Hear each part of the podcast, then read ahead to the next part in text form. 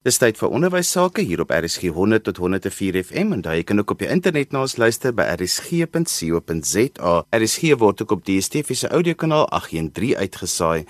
Vandag gesels ons oor wiskunde in die hoërskool. Ek het twee gaste gevra om vir ons meer te vertel oor wat is die probleme met wiskunde onderrig in die hoërskool. Ek gesels met Valentyn van der Merwe. Valentyn, daar kom nou so baie verslae uit oor die toestand van onderrig in hoërskole veral wat wiskunde betref. Geef ons so 'n klein bietjie van 'n insig in wat al hierdie verslae wat nou uitkom vir ons sê. Johan sê daar's 'n paar van hierdie verslae en gestandardiseerde toetse wêreldwyd wat geskryf word, waarvan Suid-Afrika grootliks deelneem aan die TIMS toetse, die Trending International Mathematics and Science Study is waarvoor dit staan. Hy is een van die gestandardiseerde toetse waar leerders dan op graad 8 of 9 vlak Suid-Afrika is graad 9 is wat deelneem. Hierdie toetse af lê wat gestandardiseer is wat jaar tot jaar vergelyk kan word en dis nou een van daai toetse waar hulle sê Suid-Afrika tweede laaste gekom het en die laaste een wat uitgekom met nou onlangs. Valentyn, is dit 'n realistiese prentjie van die toestand van wiskunde onderrig in ons skole? Is dit die waarheid vir skole want dit is nogal onrusbarend dat ons hier op die onderste deel van hierdie lyste boer? Ja, natuurlik die prentjie wat geskep word van van spesifiek sien maar wiskunde onderrig in Suid-Afrika is nie so goed as ons kyk as ons nou wêreldwyd volgens daai ranglys tweede laaste in lê nie, maar omtrent so 60 lande wat aan hierdie toetse deelneem wat natuurlik ook dan baie eerste wêreld lande is, maar natuurlik in Suid-Afrika het ons 'n baie unieke geval rondom die tipe skole wat hier is. Nou ons het 'n groot verskeidenheid van skole van kwintaal 1 tot kwintaal 5 skole en daar's natuurlik 'n groot verskil in 'n kwintaal 5 skool en die toegang tot onderrig en leer wat kinders daar ervaar daagliks teenoor kwintaal 1 tot 3 skole byvoorbeeld wat die meeste skole in Suid-Afrika is waar die onderrig en toegang tot onderwys heeltemal aan die ander kant van die skaal lê. So daar's baie waar ons kan gesels. Ek dink daar skole wat regtig uit sonder presteer in Suid-Afrika as ons kwintaal 4 en 5 skole vat waar hulle ook grootliks natuurlik toegang het tot moedertaalonderrig. Hulle het goeie fasiliteite, hulle het uitstekende onderwysers wat wat vir hulle skool gee doelgerig toegewyde onderwysers wat moeite doen met die kinders teenoor natuurlik kwintaal 1 tot 3 skole waar baie van hierdie kinders regtig nie eers goeie fasiliteite by die skool het nie, nie toegang tot basiese goeie handboeke, nie genoeg onderwysers by die skole nie. So daar's 'n baie groot verskeidenheid tussen die skole in Suid-Afrika. Dis waar die prentjie van waar ons tweede laaste in die wêreld is, bietjie skeef getrek word. So as ons kyk na baie skole wat in Suid-Afrika wel voorkom waar dit goed gaan en waar ons moedertaalonderrig het en toegewyde onderwysers, daar lewer ons baie goeie resultate op. En uit daai studies uit kan mens daai data gaan trek en dan kan jy dit vergelyk oor waar die tipe skole dan lê in vergelyking met mekaar. En ons kan definitief sê hierdie 1 tot 3 skole wat 'n regtig groot probleem in Suid-Afrika is in terme van die gehalte van onderwys waar ek dink ons op baie kan verbeter. Trek die prentjie vir ons 'n bietjie skeef as ons kyk na internasionale tendense. Valentyn kan hierdie probleme wat in ons skole is toegeskryf word aan 'n spesifieke pedagogiek of benadering of metode wat gebruik word ten opsigte van wiskunde onderrig in ons land. Johan, ek dink dit is net meer bloot as 'n pedagogiek, maar dit gaan ook baie oor die toegewydheid van die onderwyser. Daar's onlangs 'n studie wat Nick Spal van die Universiteit van Stellenbosch uitgebring het en ek dink die ERR ook waar hulle spesifiek gaan vergelyk het natuurlik na onderwysers. Nou by die kwintaal 5 skole byvoorbeeld is die gemiddelde um, daar wat onderwysers afwesig is per jaar is by die kwintaal 5 skole ongeveer omtrent 8 dae per jaar per onderwyser. Waarna van kyk na kwintaal 1 skole is dit gemiddeld 30 dae per jaar. So as ons net byvoorbeeld kyk daar na die omstandighede waarin die onderwysers is, die verskillende omstandighede en hoe afwesig hulle is as gevolg van daardie omstandighede, dit het natuurlik 'n groot impak op die leer en onderrig in die klas natuurlik ook hoe gereeld die kinders skool toe kom en so voort en dan die leer en onderrig wat plaasvind op 'n daaglikse basis. Wanneer ons moet kyk ook is het die kinders toegang tot moedertaalonderrig So byvoorbeeld in 'n kwintaal 1 skool, die meeste van die kinders daar ontvang nie toegang tot moedertaalonderrig nie. So hulle word in 'n tweede of partykeer ook in 'n derde taal word hulle skool gegee. Waar in 'n kwintaal 5 skool, het sy dit Engels of Afrikaans is, hulle kry hulle moedertaalonderrig van graad 1 tot einde matriek, kry hulle onderrig in hulle moedertaal. Hulle het handboeke in hulle moedertaal. Die onderwyser praat ook dieselfde taal so die oordrag van kennis is net op 'n baie meer natuurlike wyse. En natuurlik die leerkultuur in daai skole is ook heeltemal anders. In skole waar dit goed gaan, is die ouers betrokke, die gemeenskap is betrokke, die leerders is doelgerig, die onderwysers is toegewyd en hardwerkend. En ek dink al hierdie omstandighede maak dat sekere skole baie beter vaar as ander skole. Valentyn, jy het nou 'n klomp van hierdie probleme opgenoem, maar hoe kan hierdie probleme oorkom word? Want ons soek tog nou maar oplossings vir onderwys want dit help nie. Ons wys net die hele tyd probleme uit nie. Natuurlik, dit is ons doel wat ons almal het, dink ek, is om onderwys in in Suid-Afrika te verbeter. Nou, ek dink 'n groot probleem is om die beste studente te lok om die onderwysberoep te betree. Ek dink daar kan baie rondom dit gedoen word want ons verloor ons beste studente na alle ander beroepe toe. Ek dink die aansien van die beroep kan dalk aangespreek word, kan dalk meer beurse beskikbaar stel vir vir studente om onderwys te gaan studeer. Maar verder kan ek ook dink daar's baie ervare onderwysers in Suid-Afrika wat regtig goeie ervaring het, goeie opleiding ontvang het, toegang het tot goeie professionele ontwikkeling en met hulle jare se ervaring, ek dink ek het hulle 'n verantwoordelikheid om hulle kennis wat hulle opgedoen het oor te dra en jonger onderwysers behoorlik te mentor sodat hulle ook baie goeie toegewyde onderwysers kan word wat ons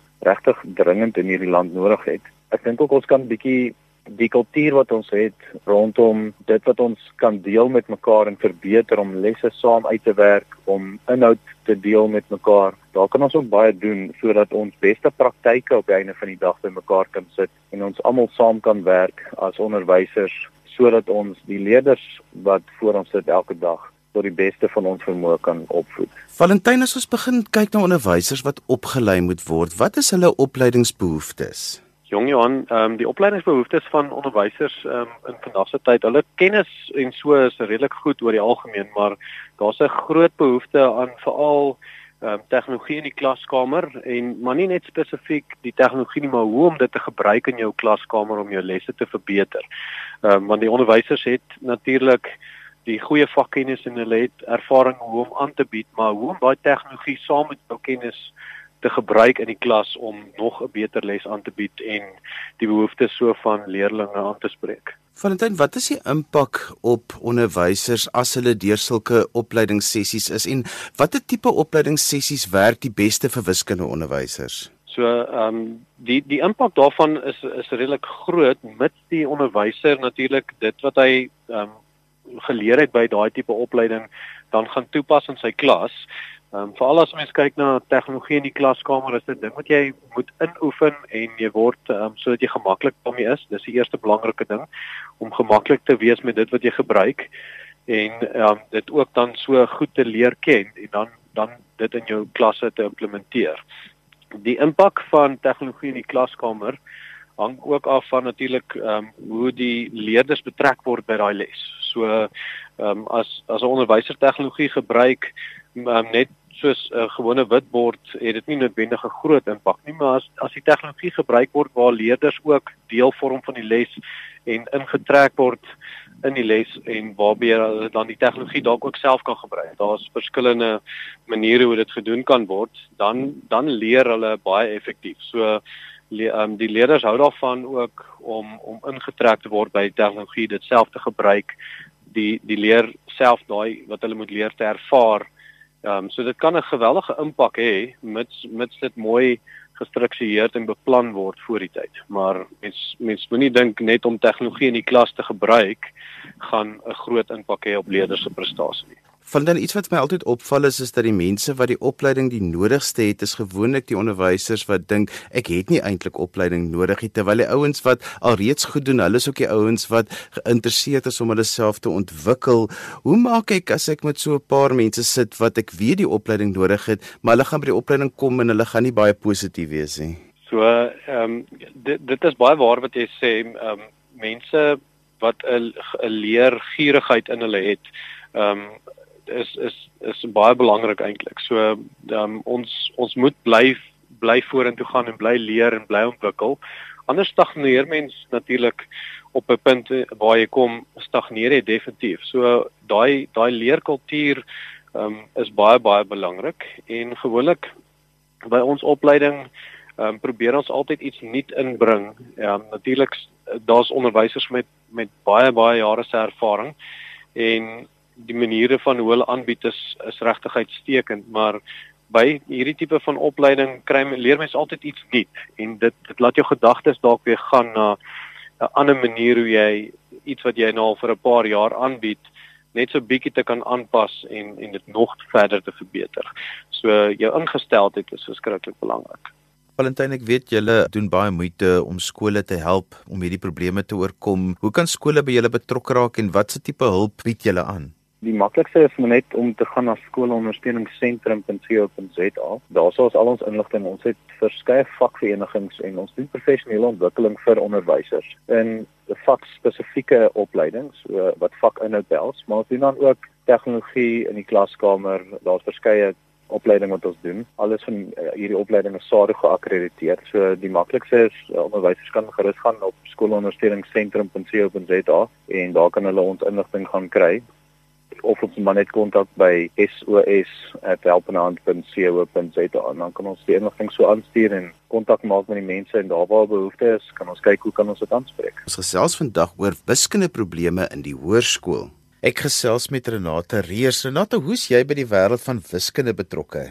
Ek is al vir so 12 jaar lank 'n wiskundeonderwyser. Ek het by Renish Girls High in Stellenbosch skool gehou en deesdae doen ek ook baie opleiding met onderwysers, spesifiek wiskundeonderwysers, hoe jy tegnologie in die wiskundeklas kan gebruik. Renata, daar word so baie geskryf oor wiskundeonderwys en ons praat baie oor wat gaan aan in ons skole. Maar wat is die waarheid en wat is die situasies in skole waarby jy betrokke is? My ervaring is dat daar 'n ongelooflike groot gaping tussen wat in die topskole in die land gebeur en in die res van die skole is. In ons topskole kry kinders regtig nog 'n wêreldklas wiskundeonderrig. Ek het vir 'n paar jaar self in Engeland skool gehou en baie van my oud studente het al by universiteite in Amerika en Engeland en Europa gaan studeer en die terugvoer wat ons altyd kry is dat die onderrig wat hulle kry is regtig vergelykbaar met van die beste in die wêreld. Maar as jy kyk na Suid-Afrika oor die algemeen dan is daar miskien 90% van skole waar dit nie gebeur nie. En dit is waar ons groot probleem lê.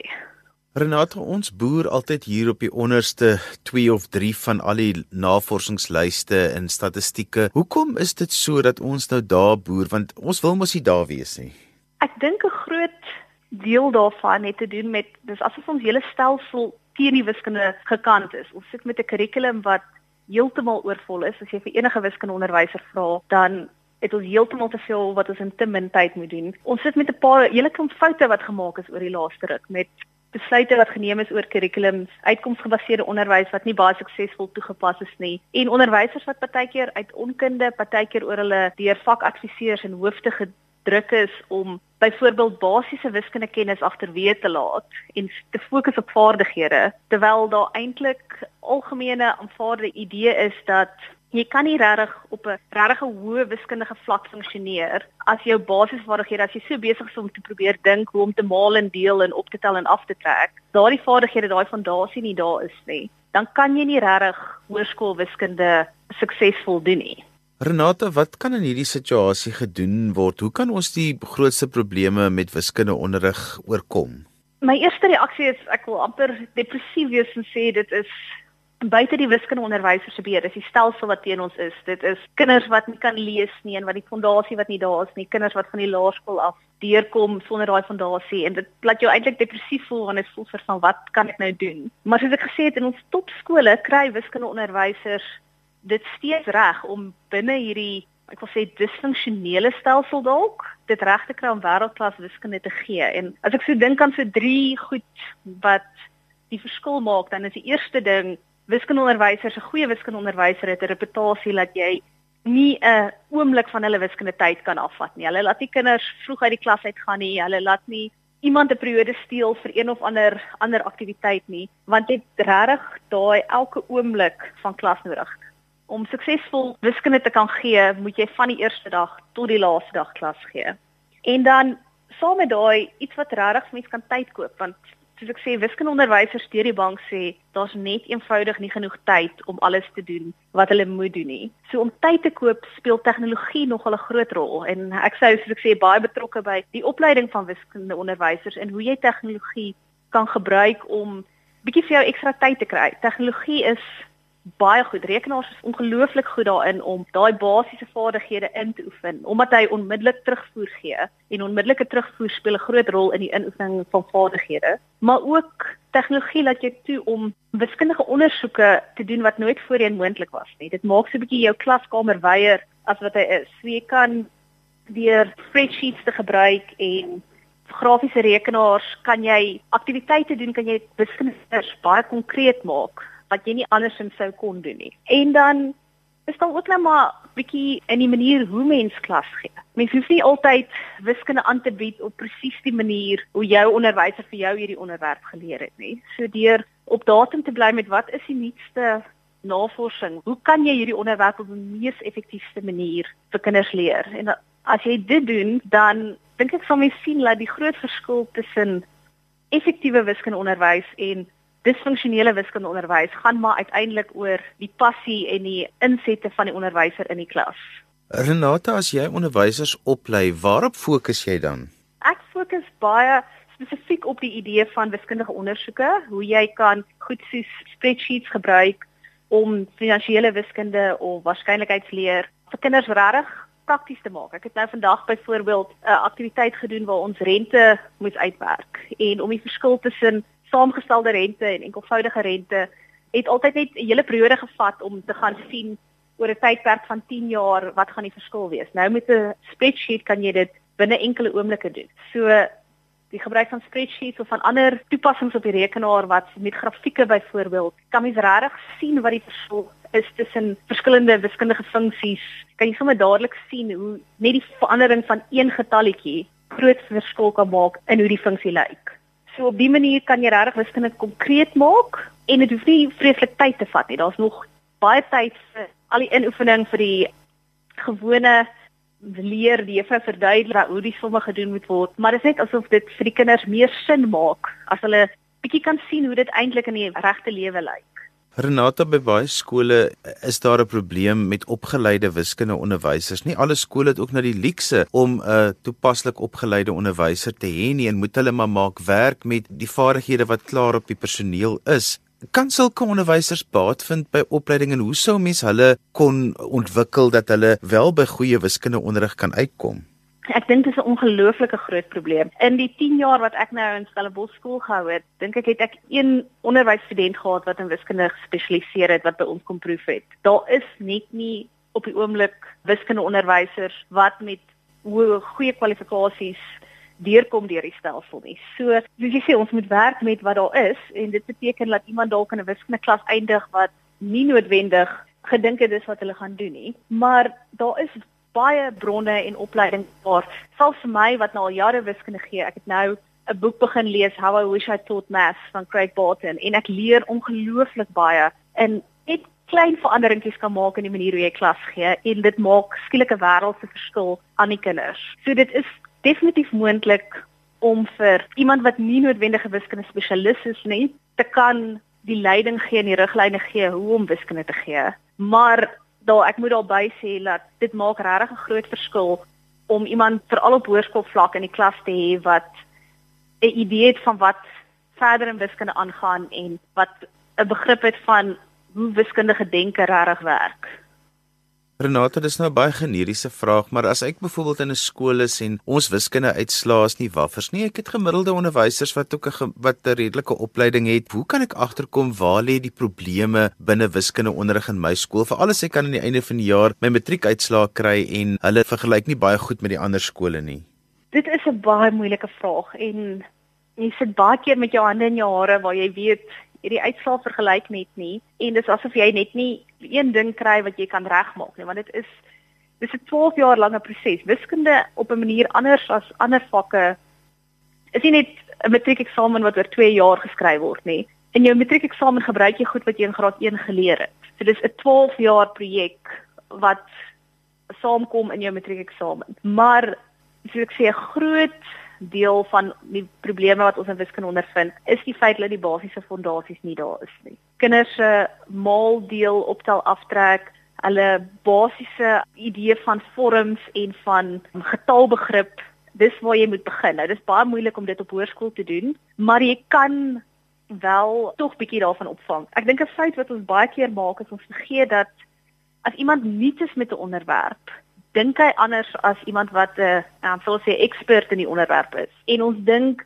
deur vir kinders moeiliker somme te gee en meer eksamenvraestelle te laat uitwerk, kan ons hulle op 'n hoë vlak wiskunde laat dink. Maar dis soos om te sê as jy bestuur en jy sukkel om te bestuur en jy kan nie heeltemal jou ratte wissel nie, dis dink, okay, kom ons gaan ry in spitsverkeer op die snelweg, dan gaan dit beter gaan. Jy moet eintlik 'n stappie terugvat en daai basiese goed onder die knie kry. Dan eers kan jy enige hoop om die moeiliker wiskunde onderwerpe te kan baasraak. So, dis maar my raad vir skole wat se uitslaa nie is wat hulle graag wil hê nie, is om terug te gaan na daai eerste kwartaal van die jaar waar jy algebra doen en te sorg dat die leerders se algebra regtig flink en onder die knie is want sonder dit kan hulle nie enige van die moeiliker wiskunde konsepte baasraak nie. Renata se ter afsluiting, hoekom het jy gekies om 'n wiskundeonderwyser te word en om een te bly?